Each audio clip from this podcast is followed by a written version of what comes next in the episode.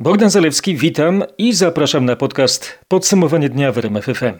Dziękuję, że zdecydowaliście się posłuchać syntezy wydarzeń omówionych przez naszych dziennikarzy w faktach oraz na stronie rmf24.pl. To 25 listopada, środa. Niedobre dobowe dane pandemiczne w Polsce. Aż 674 osoby zmarły na COVID-19, najwięcej od marca. Nieufni wobec oficjalnych wyników są naukowcy z Uniwersytetu Warszawskiego, tworzący koronawirusowe prognozy. Testy przesiewowe w trzech województwach nie obejmą jednak wszystkich, ogłosił minister zdrowia. Zgasła gwiazda światowego futbolu, nie żyje Diego Maradona. W podcaście także, co to znaczy być miękkiszonem w relacjach z Brukselą oraz o szkockim dudziarzu, który ma już dość. 674 osoby zmarły ostatniej doby na COVID-19. To najwięcej od początku pandemii w Polsce. Wykryto 15 362 nowe przypadki zakażenia koronawirusem w naszym kraju. Niskiej jakości dane utrudniają pracę naukowcom z Uniwersytetu Warszawskiego.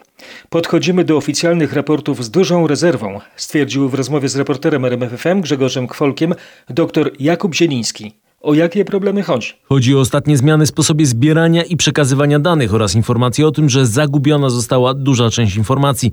Nowe dane wyglądają na niespójne, ostrzega Jakub Zieliński. Jako, że zmienia się sposób i zmienia się też przesunięcie w czasie, tak? Przez to, że dane pojawiały się z wielodniowym opóźnieniem, teraz to opóźnienie ma być mniejsze. Nie jest nadal jasne, czy będą raportowane wszystkie testy antygenowe. I dodaje, że tworzenie nowej prognozy polega na korygowaniu poprzednich przewidywań w oparciu o takie dane, jak chociażby liczba zgonów Dane, które resort zdrowia przekazywał do tej pory, mogły zdaniem naukowców być nawet dziewięciokrotnie niedoszacowane. Testy przesiewowe jednak nie dla wszystkich. Zapowiadane przez rząd badania testami antygenowymi w trzech województwach nie obejmą wszystkich mieszkańców wskazanych regionów. Chodzi o Śląsk, Małopolskę i Podkarpacie, jak wynika ze słów ministra zdrowia. Konferencja Dama Niedzielskiego wysłuchał Mariusz Piekarski. Kogo resort chce testować? O tym, kto będzie miał robiony test w ramach badań przesiewowych mają zdecydować wojewodowie. Nie wskażą oczywiście konkretnych osób, ale pewne grupy, populacje na jakimś terenie, czy na przykład grupy zawodowe. Tak tłumaczy to minister Niedzielski. Być może będą to kopalnie, być może będą to inne zakłady pracy. A to oznacza, że porównywanie polskich badań przesiewowych, na przykład z tymi słowackimi, gdzie przetestowany był każdy chętny, jest pomyłką. Zbadanie wszystkich mieszkańców trzech wskazanych regionów wymagałoby co najmniej 9-10 milionów milionów testów, a badanie testem antygenowym przy pacjentach bezobjawowych należy powtórzyć co najmniej raz. Do końca tygodnia mają być określone szczegóły, które grupy mieszkańców na południu kraju zostaną poddane badaniom przesiewowym, tak by w przyszłym tygodniu ruszył już pilotaż, tak zapowiada minister Niedzielski. Równolegle testy antygenowe mają dostać ratownicy, by badać przewożonych pacjentów w karetkach oraz lekarze POZ. Warszawa Mariusz Piekarski. Powiększa się grupa pacjentów, którzy nie chcą być testowani w kierunku koronawirusa. Twierdzi w rozmowie z naszym reporterem Pawłem Pyclikiem Agnieszka Mastalerz-Migas, krajowy konsultant w dziedzinie medycyny rodzinnej. Po cichu w domu chorują osoby przechodzące COVID łagodnie, dodaje lekarka. Chcą uniknąć izolacji i kwarantanny dla swoich bliskich, a to może być zgubne. Zachęcamy przede wszystkim, żeby uświadomić sobie, że zakażenie koronawirusem jest chorobą bardzo podstępną. To znaczy, ona może mieć początkowo bardzo łagodne objawy i dosyć szybko może dojść do załamania stanu zdrowia. Jeśli ktoś będzie miał już dodatni wynik, pacjent od razu trafia na oddział covidowy. Kiedy tego wyniku nie ma, ta ścieżka diagnostyczna się wydłuża. Ludzie chorujący po cichu w domu też umierają w tych domach? Na pewno, to zresztą widać po statystykach zgonów. Z Agnieszką Mastalerz-Migas rozmawiał Paweł Pyclik. O zjawisku chorowania po cichu przeczytacie na rmf24.pl. 5100 absolwentek ukończyło w tym roku studia pielęgniarskie, a zatrudnienie w zawodzie znalazło tylko 1100 z nich. To niepokojące dane związków zawodowych pielęgniarek. Rąk do opieki nad pacjentami tymczasem nadal brakuje, zwłaszcza w warunkach epidemii. Dlaczego mimo zapotrzebowania jest taki problem z zatrudnieniem? O tym Paweł Balinowski. Powodów jest kilka. Z jednej strony w niektórych szpitalach blokowane są etaty. Na miejsce odchodzących na emeryturę pielęgniarek nie zatrudnia się kolejnych. Absolwentki, które zgłosiły się do zatrudnienia, usłyszały informację, że nie będą zatrudnione, no albo że nie ma środków na to, żeby te osoby zatrudnić. Opisuje Krystyna Ptok, szefowa Związku Zawodowego Pielęgniarek. Z drugiej jednak strony są szpitale w mniejszych miastach, które mają wolne miejsca i chcą zatrudniać, ale mają inny kłopot. Część e, osób, które ukończy studia pielęgniarskie nie chce migrować do innych miast. Mówi Paweł Natkowski, dyrektor szpitala w Ostrołęce. W obu opisanych przypadkach potrzebna jest pomoc rządu, a ta praktycznie nie istnieje. Za chwilę powrócimy do problemów w służbie zdrowia i raportów pandemicznych, a teraz kolejna bardzo głośna sprawa. Sprawa arcybiskupa katowickiego Wiktora Skworca to najpoważniejsza z tych, jakie do mnie trafiły. Mówi naszemu dziennikarzowi ksiądz Tadeusz Isakowicz-Zaleski. Od lat zajmujący się sprawami molestowania małoletnich w kościele, duchowny skierował wczoraj do Państwowej Komisji do Spraw Pedofilii zawiadomienie o zatajaniu przestępstwa. Z księdzem Isakowiczem Zaleskim rozmawiał Tomasz Skory. Czego dokładnie dotyczy to zawiadomienie? Chodzi o tuszowanie przestępstwa molestowania i umożliwianie jego popełniania księdzu Stanisławowi P., pracującemu w Woli Radłowskiej pod Tarnowem. Ksiądz Isakowicz-Zalewski podkreśla, że ofiarami w tej sprawie jest przynajmniej kilkanaście osób. Były biskup Tarnowski, a obecnie arcybiskup katowicki Wiktor Skworc wiedział od rodziców i nauczycieli, że tamtejszy proboszcz molestuje małych chłopców. On obiecał, że ten problem rozwiąże, ale tego księdza wysłał na Ukrainę, gdzie on dopuścił się następnych molestowań. Później wrócił do Polski i został skierowany do Krynicy Zdroju, gdzie znowu uczył w szkole. Ksiądz Isakowicz-Zaleski oczekuje, że Komisja do Spraw Pedofilii skieruje sprawę arcybiskupa katowickiego do prokuratury. Zapowiada też, że ta najbardziej drastyczna sprawa to tylko jedna z tych, jakie zamierza przekazać komisji. A teraz w podsumowaniu dnia w RMFFM bardzo trudne relacje Warszawa-Bruksela. Szefowa Komisji Europejskiej Ursula von der Leyen złożyła Polsce i Węgrom propozycję rozwiązania sporu wokół weta budżetowego. Przypomnę, chodzi o ostro oprotestowaną przez władze w Warszawie i Budapeszcie nową zasadę.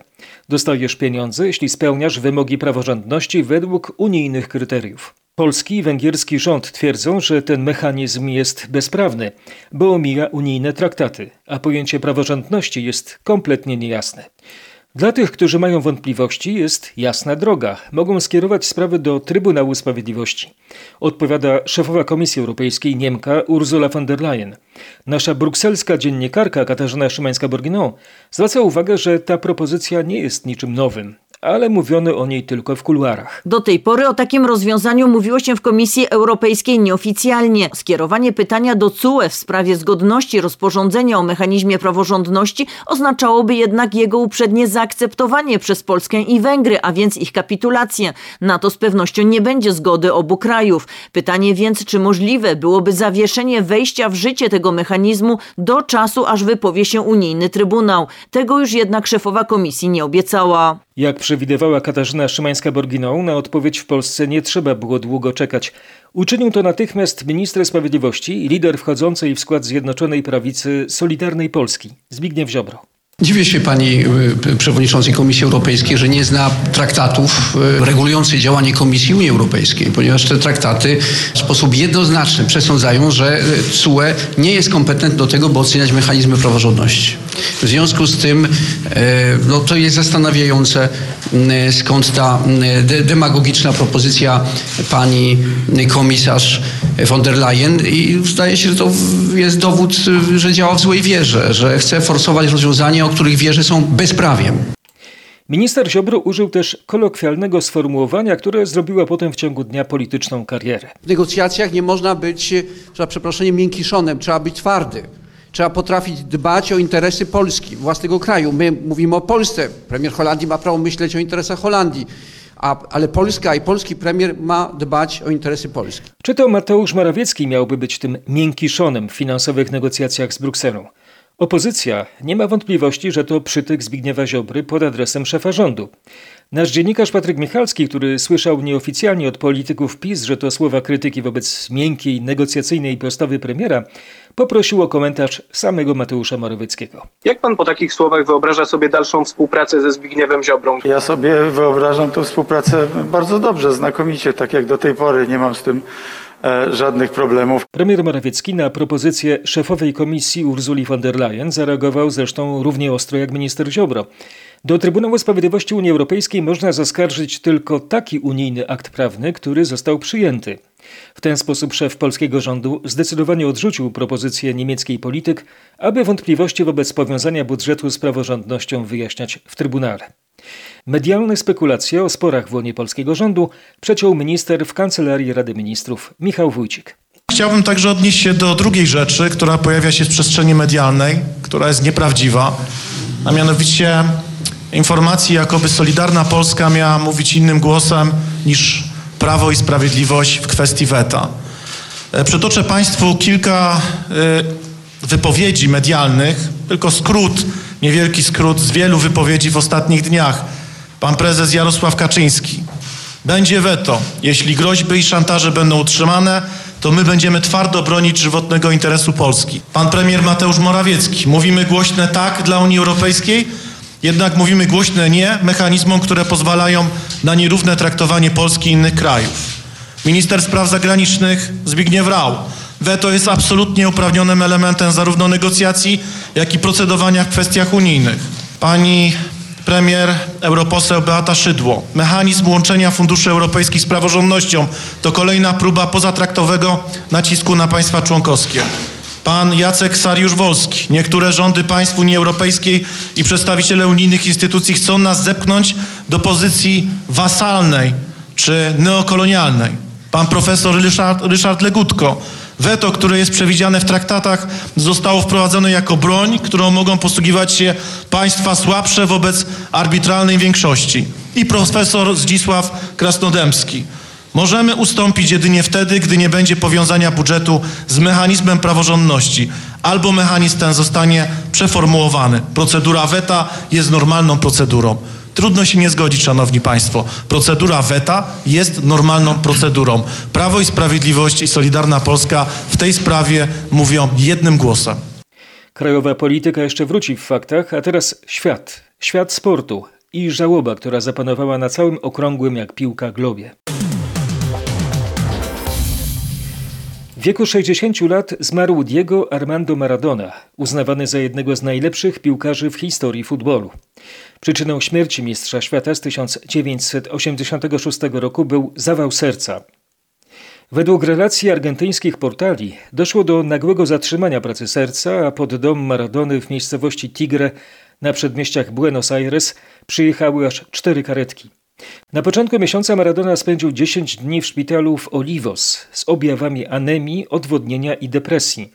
Przeszedł także operację mózgu po wykryciu krwiaka podtwardówkowego. Operujący go neurochirurg Leopoldo Luque twierdził, że prawdopodobnie przyczyną jego powstania był jakiś wypadek, ale słynny pacjent powiedział, że nic nie pamięta. Maradona opuścił szpital 12 listopada. W przeszłości wielokrotnie trafiał do szpitala. Przeważnie było to konsekwencją trybu życia. Media pisały wprost, że flirtuje ze śmiercią. Nadużywał kokainy, utył monstrualnie. 4 stycznia 2000 roku lekarze z trudem uratowali mu życie po ataku serca. Kilkanaście miesięcy trwały kuracje odwykowe, głównie na Kubie, bowiem piłkarz chwalił się przyjaźnią samego przywódcy tego kraju Fidela Castro. Problemy zdrowotne wracały. W 2007 roku sam zgłosił się do kliniki w Buenos Aires, szukając pomocy w walce z nałogiem alkoholowym. Przechodził kolejne odwyki narkotykowe i poddał się operacji zmniejszenia żołądka, co pomogło mu schudnąć. Maradona urodził się 30 października 1960 roku w Lanos. Ze slumsów Buenos Aires szybko trafił do czołowych klubów argentyńskich, a w 1982 roku do Barcelony za rekordową wówczas kwotę 10 milionów dolarów.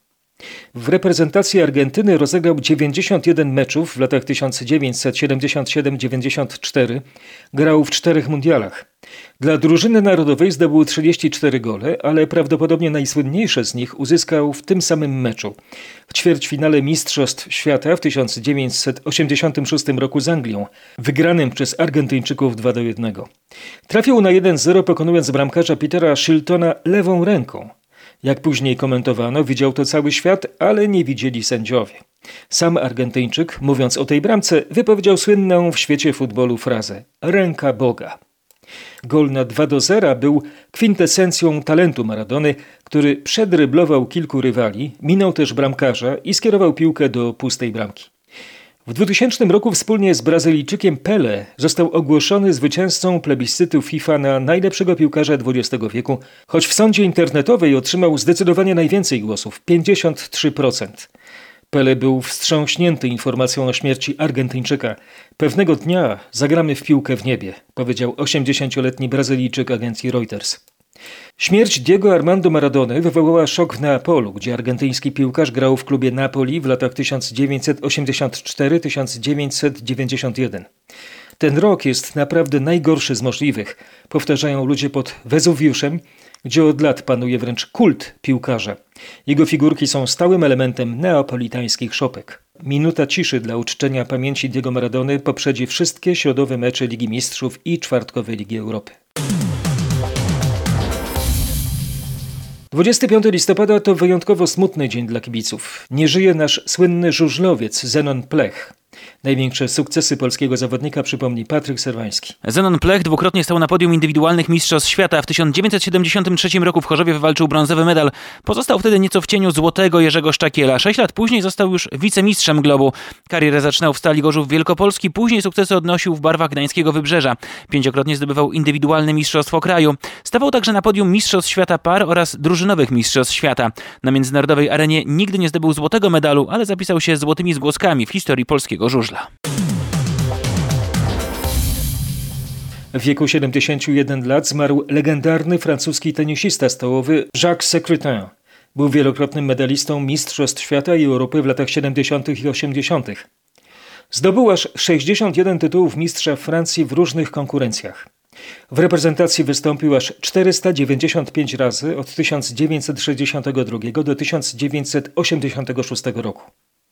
Został wybrany najlepszym francuskim tenisistą stołowym stulecia. Secretin był nie tylko znakomitym zawodnikiem, ale też showmanem. Grał pokazówki m.in. w Polsce. Uwielbiała go publiczność na całym świecie. Tenis stołowy wprowadzono do programu Igrzysk, kiedy fantastyczny Francuz miał już prawie 40 lat. Dlatego w jego dorobku, zdaniem ekspertów, zabrakło medalu olimpijskiego. A teraz już sport amatorski i problemy amatorów narciarstwa. Szef klubu PiS Ryszard Terlecki krytykuje otwarcie stoków przy utrzymaniu zamkniętych hoteli. Trochę bez sensu, jeżeli hotele nie działają, żeby wyciągi działały. Przypomnę, że wicepremier Jarosław Gowin najpierw stwierdził, że stoki zostaną zamknięte, a po konsultacjach ogłosił, że będą otwarte. Patryka Michalskiego zaintrygowały słowa Terleckiego. Czy mogą sygnalizować kolejne zmiany? Nie, to raczej opinia, bo rząd utrzymuje, że stoki będą otwarte, a noclegownie zamknięte. Ale ta wypowiedź to dowód, że w sprawie pandemiczno-gospodarczej strategii politycy PiSu mają sprzeczne opinie, zmieniają zdanie, czym do wrzenia doprowadzają branżę. Szef klubu PiS był też pytany o wiceministra przedsiębiorczości. Andrzej Gut-Mostowy jako przedstawiciel rządu brał udział w konsultacjach z branżą narciarską, choć sam ma udziały w ośrodku narciarskim narciarskim, na którym zresztą w tamtym roku zarobił ponad 2 miliony złotych. Czy to nie konflikt interesów? O to Ryszard Terlecki też był pytany. No pewnie trochę jest, trzeba to e, jakoś sprawdzić. Andrzej Gut-Mostowy twierdzi jednak, że nigdy nie działał w interesie prywatnym, a dla dobra wspólnego. Przedstawiciele pięciu gmin w Beskidach piszą list do premiera. Postulują w nim wprowadzenie zmian, które pozwolą funkcjonować branży turystyczno-narciarskiej w czasach pandemii. To reakcja na obowiązujące i zapowiadane ograniczenia na sezon zimowy w górach. Marcin Buczek zna szczegóły tego listu. Co konkretnie proponują przedstawiciele tzw. Tak Beskidzkiej Piątki? Przede wszystkim postulują wydłużenie ferii zimowych z dwóch do ośmiu tygodni. Kolejna propozycja dotyczy wprowadzenia zasad, które umożliwią spędzenie urlopu zimowego właśnie w Polsce. Jest też m.in. postulat wcześniejszego niż 28 grudnia odblokowania branży noclegowej i gastronomicznej. Poza tym, według autorów listu, branżę turystyczną i sportową powinno się traktować jako całość. Za bezpiecznym pobytem w górach ma przemawiać m.in. to, że sporty zimowe z reguły uprawiane są na świeżym powietrzu, transport wyciągiem trwa stosunkowo krótko, a strój narciarzy, czyli gogle, szaliki, chusty i rękawice mogą minimalizować ryzyko zakażenia. Decyzja o zakazaniu wyjazdów na ferie i zamknięcie hoteli na czas świąt zagraża nadmorskiej branży turystycznej. Z roku na rok coraz więcej osób decydowało się spędzić Boże Narodzenie i zimę nad Bałtykiem. W tym roku Świnoujście świeci pustkami, zwraca uwagę Piotr Piewowarczyk ze Świnoujskiej Organizacji Turystycznej. Branża wydaje mi się, że niestety poddała się tak naprawdę i będzie miało to tragiczne skutki dla mieszkańców miasta i dla Świnoujścia, dlatego że jeszcze parę dni temu pracodawcy w postaci największych hotelarzy, w których pracuje na przykład 150 pracowników, czyli więcej niż w porcie handlowym w Świnoujściu, wstrzymywali decyzję o zwolnieniu. Z chwilą, kiedy postanowiono, że nie będzie sezonu świątecznego, nie będzie sezonu zimowego, te decyzje zostaną uruchomione i za chwilę na rynku pojawi się być może tysiąc, dwa tysiące nowych bezrobotnych. Gwoździem do trumny jest wprowadzony przez Niemców zakaz wyjazdów turystycznych i dwutygodniowa kwarantanna dla przyjeżdżających z Polski. Tysiące taksówkarzy protestowało w całej Polsce. W stolicy kolumna taksówek przejechała przez miasto. Protestujący zawieźli do kancelarii premiera petycję do Jarosława Kaczyńskiego. Chcą włączenia ich do kolejnej tarczy antykryzysowej. Pomoc finansowa od państwa żadna. To pierwsza sprawa. Druga sprawa, nie, nie zniesiony ZUS nam. No i to po prostu no, przy obrotach teraz, które mamy, gdzie się stoi i czeka 3 godziny na zlecenie, no to jest po prostu dramat, dramat, naprawdę. Żadnej pomocy nie otrzymaliśmy na jesieni. Nie mamy po prostu kogo wozić, tak? Jest drastyczny spadek obrotów o 90%. Żalili się taksówkarze protestujący w Warszawie. Województwo śląskie w oparach smogu. Największe, kilkukrotne przekroczenie zanotowano w Dąbrowie Górniczej i Tychach. Człowiek już jest po jakimś czasie przyzwyczajony, no ale zdrowe na pewno to nie jest. To bardzo źle, wiem. Ale jak człowiek w tym żyje cały czas praktycznie, no to się organizm przyzwyczaja. Im zimniej, tym więcej tego będzie teraz. Tylko nieco mniej zanieczyszczeń w powietrzu było w Gliwicach, Zabrzu, Sosnowcu i Katowicach. Kolejne badania naukowe zwracają uwagę na rolę smogu w pandemii SARS-CoV-2. Badacze z Genewy i Zurichu sugerują, że pył zawieszony w powietrzu może sprzyjać transmisji koronawirusa. O tym, jakie mają argumenty, opowie Grzegorz Jasiński. Szwajcarzy zwracają uwagę na to, że badania naukowe potwierdzały już wcześniej, że pył może sprzyjać transmisji wirusa grypy. Podczas obecnej pandemii na cząsteczkach pyłu stwierdzano też obecność materiału genetycznego koronawirusa. Istotne znaczenie mają obserwacje ze szwajcarskiego kantonu Ticino. Gwałtowny przyrost liczby przypadków zakażeń i zachorowań zaobserwowano tam krótko po tym, jak pod koniec lutego uroczystościom karnawałowym towarzyszyła fala silnych zanieczyszczeń powietrza. Zdaniem autorów pracy monitor monitorowanie poziomu pyłów zawieszonych może w przyszłości pomóc podejmować lokalne działania na rzecz ograniczenia ryzyka transmisji koronawirusa. O tym, że istotne znaczenie może mieć nawet pył z nad Sahary, przeczytacie na rmf24.pl. Rząd Wielkiej Brytanii wydał 12,5 miliarda funtów na środki ochrony osobistej po nadejściu pandemii koronawirusa, z czego 10 miliardów niepotrzebnie. To wynik audytu Brytyjskiej Izby Kontroli, która zajmuje się wydatkami publicznymi.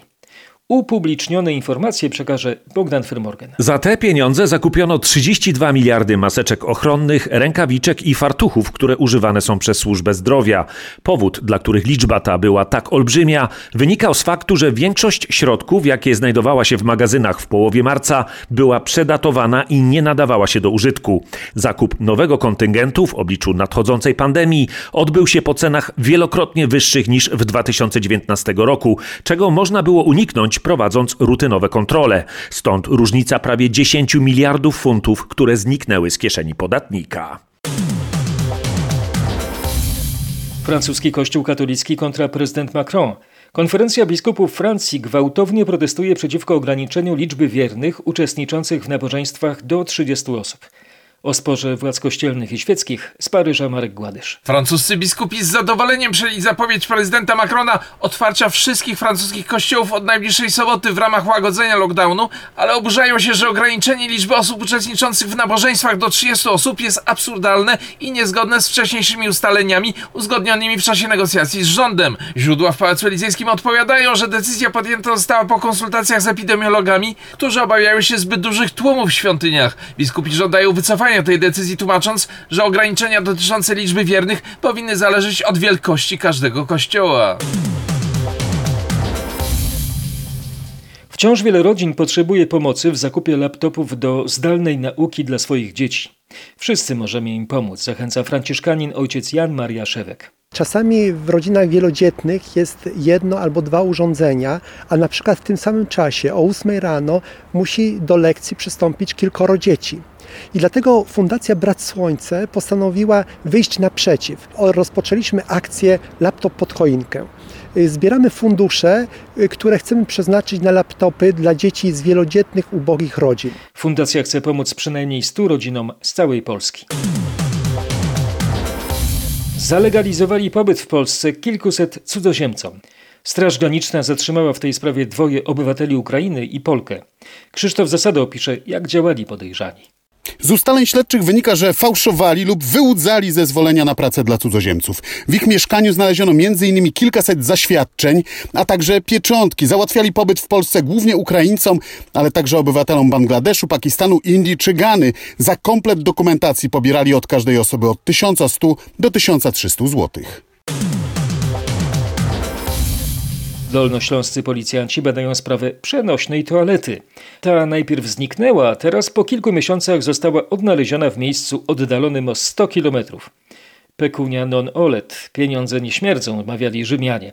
Polski dowód na prawdziwość tej sentencji przedstawi Paweł Pyclik. Toaletę prawdopodobnie skradziono z budowy w powiecie lubińskim. Mundurowi jej szukali, ale nie mieli żadnych śladów. Do czasu aż zgłosił się pracownik firmy wynajmującej przenośne ubikacje.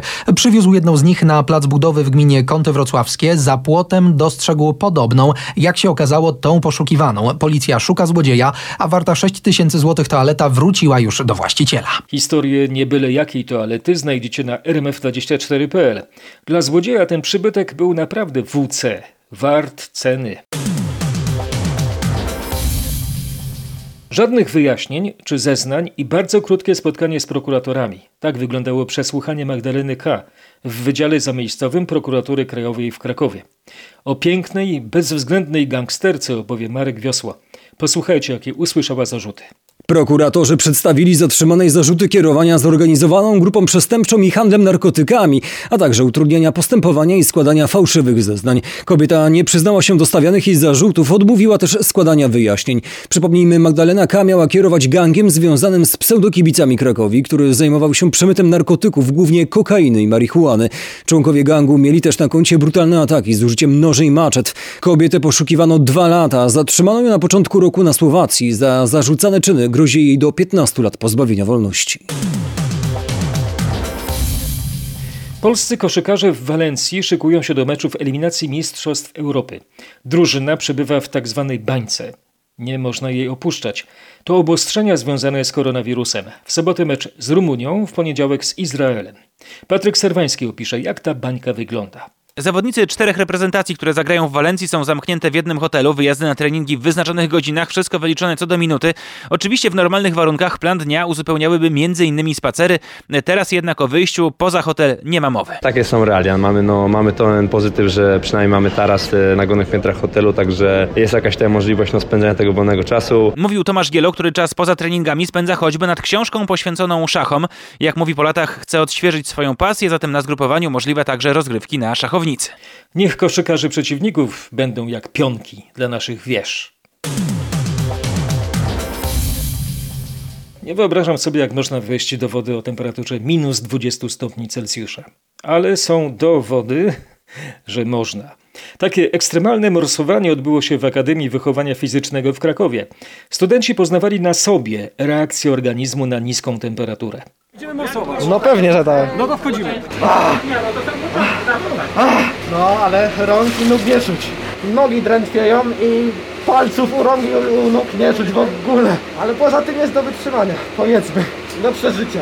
No i niżej tym ciężej. Już wystarczy chyba. Oprócz tego, że się cały trzęsę, przynajmniej tak mi się wydaje, bo mało czuję, no to jest w miarę okej. Nasz reporter Marek Wiosło patrzył na to chłodnym okiem. Mamy szczyt sezonu wymiany opon na zimowe.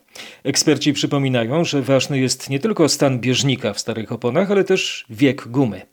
Kilkuletnie opony warto zmienić na nowe. Radzi kierowca rajdowy Kasper Wrublewski. Nie muszą to być najwyższej marki, najwyższej klasy, ale ważne, żeby te opony były świeże, żeby guma nie była zgrębiała, ponieważ dużo ludzi kupuje używane opony, co nie jest dobrym wyborem. Lepiej kupić tańszą, nową oponę z gumą przydatną do jazdy, miękką która działa w każdych warunkach. Jeżeli chodzi o jazdę, na pewno trzeba pamiętać, żeby jeździć płynnie, żeby te ruchy, które wykonujemy za kierownicą były bardzo płynne. E, Im bardziej agresywnie jeździmy, tym y, są większe przeciążenia na naszą oponę. E, Co za tym idzie, prawdopodobieństwo poślizgu czy utracenia przyczepności na oponach jest dużo większa. Nie czepiamy się, ale często widać na drogach w zimie, kto nie raczył zrobić wymiany. Na koniec już nie pisk opon, a piski kobiet na widok pewnego pana. Członek szkockiej grupy dudziarzy skarży się na kobiety. Muzyk należy do zespołu Red Hot, czyli Pipers. Nie mylić z rockową grupą Red Hot, czyli Peppers. Panie są tak rozentuzjazmowane, że ciężko to wytrzymać. Jego szale w BBC przytoczy Bogdan Fermorgan. Pan Willie Armstrong ma po prostu tego dość. Jak powiedział w wywiadzie, kobiety zaglądają mu pod spódniczkę, dotykają jego ud i robią zdjęcia w rejonach, do których nie dochodzi światło. Zdaniem Dudziarza inni muzycy występujący publicznie w takich strojach skarżą się na zachowanie pań. Nie bierze, ale nikt nie bierze ich poważnie. Często padają też pytania, czy są prawdziwymi Szkotami w domyśle, czy pod spodem noszą majtki. Warto dodać, że robienie zdjęć pod spódniczką jest w Szkocji przestępstwem od 2009 roku. Czasami trudno być mężczyzną i grać spokojnie na swym ulubionym instrumencie. To nie jest całkiem dęta sprawa. Bardzo Wam dziękuję za uwagę. Do usłyszenia w czwartek. Bogdan Zalewski. Zapraszam na kolejne podsumowanie dnia w RMFFM.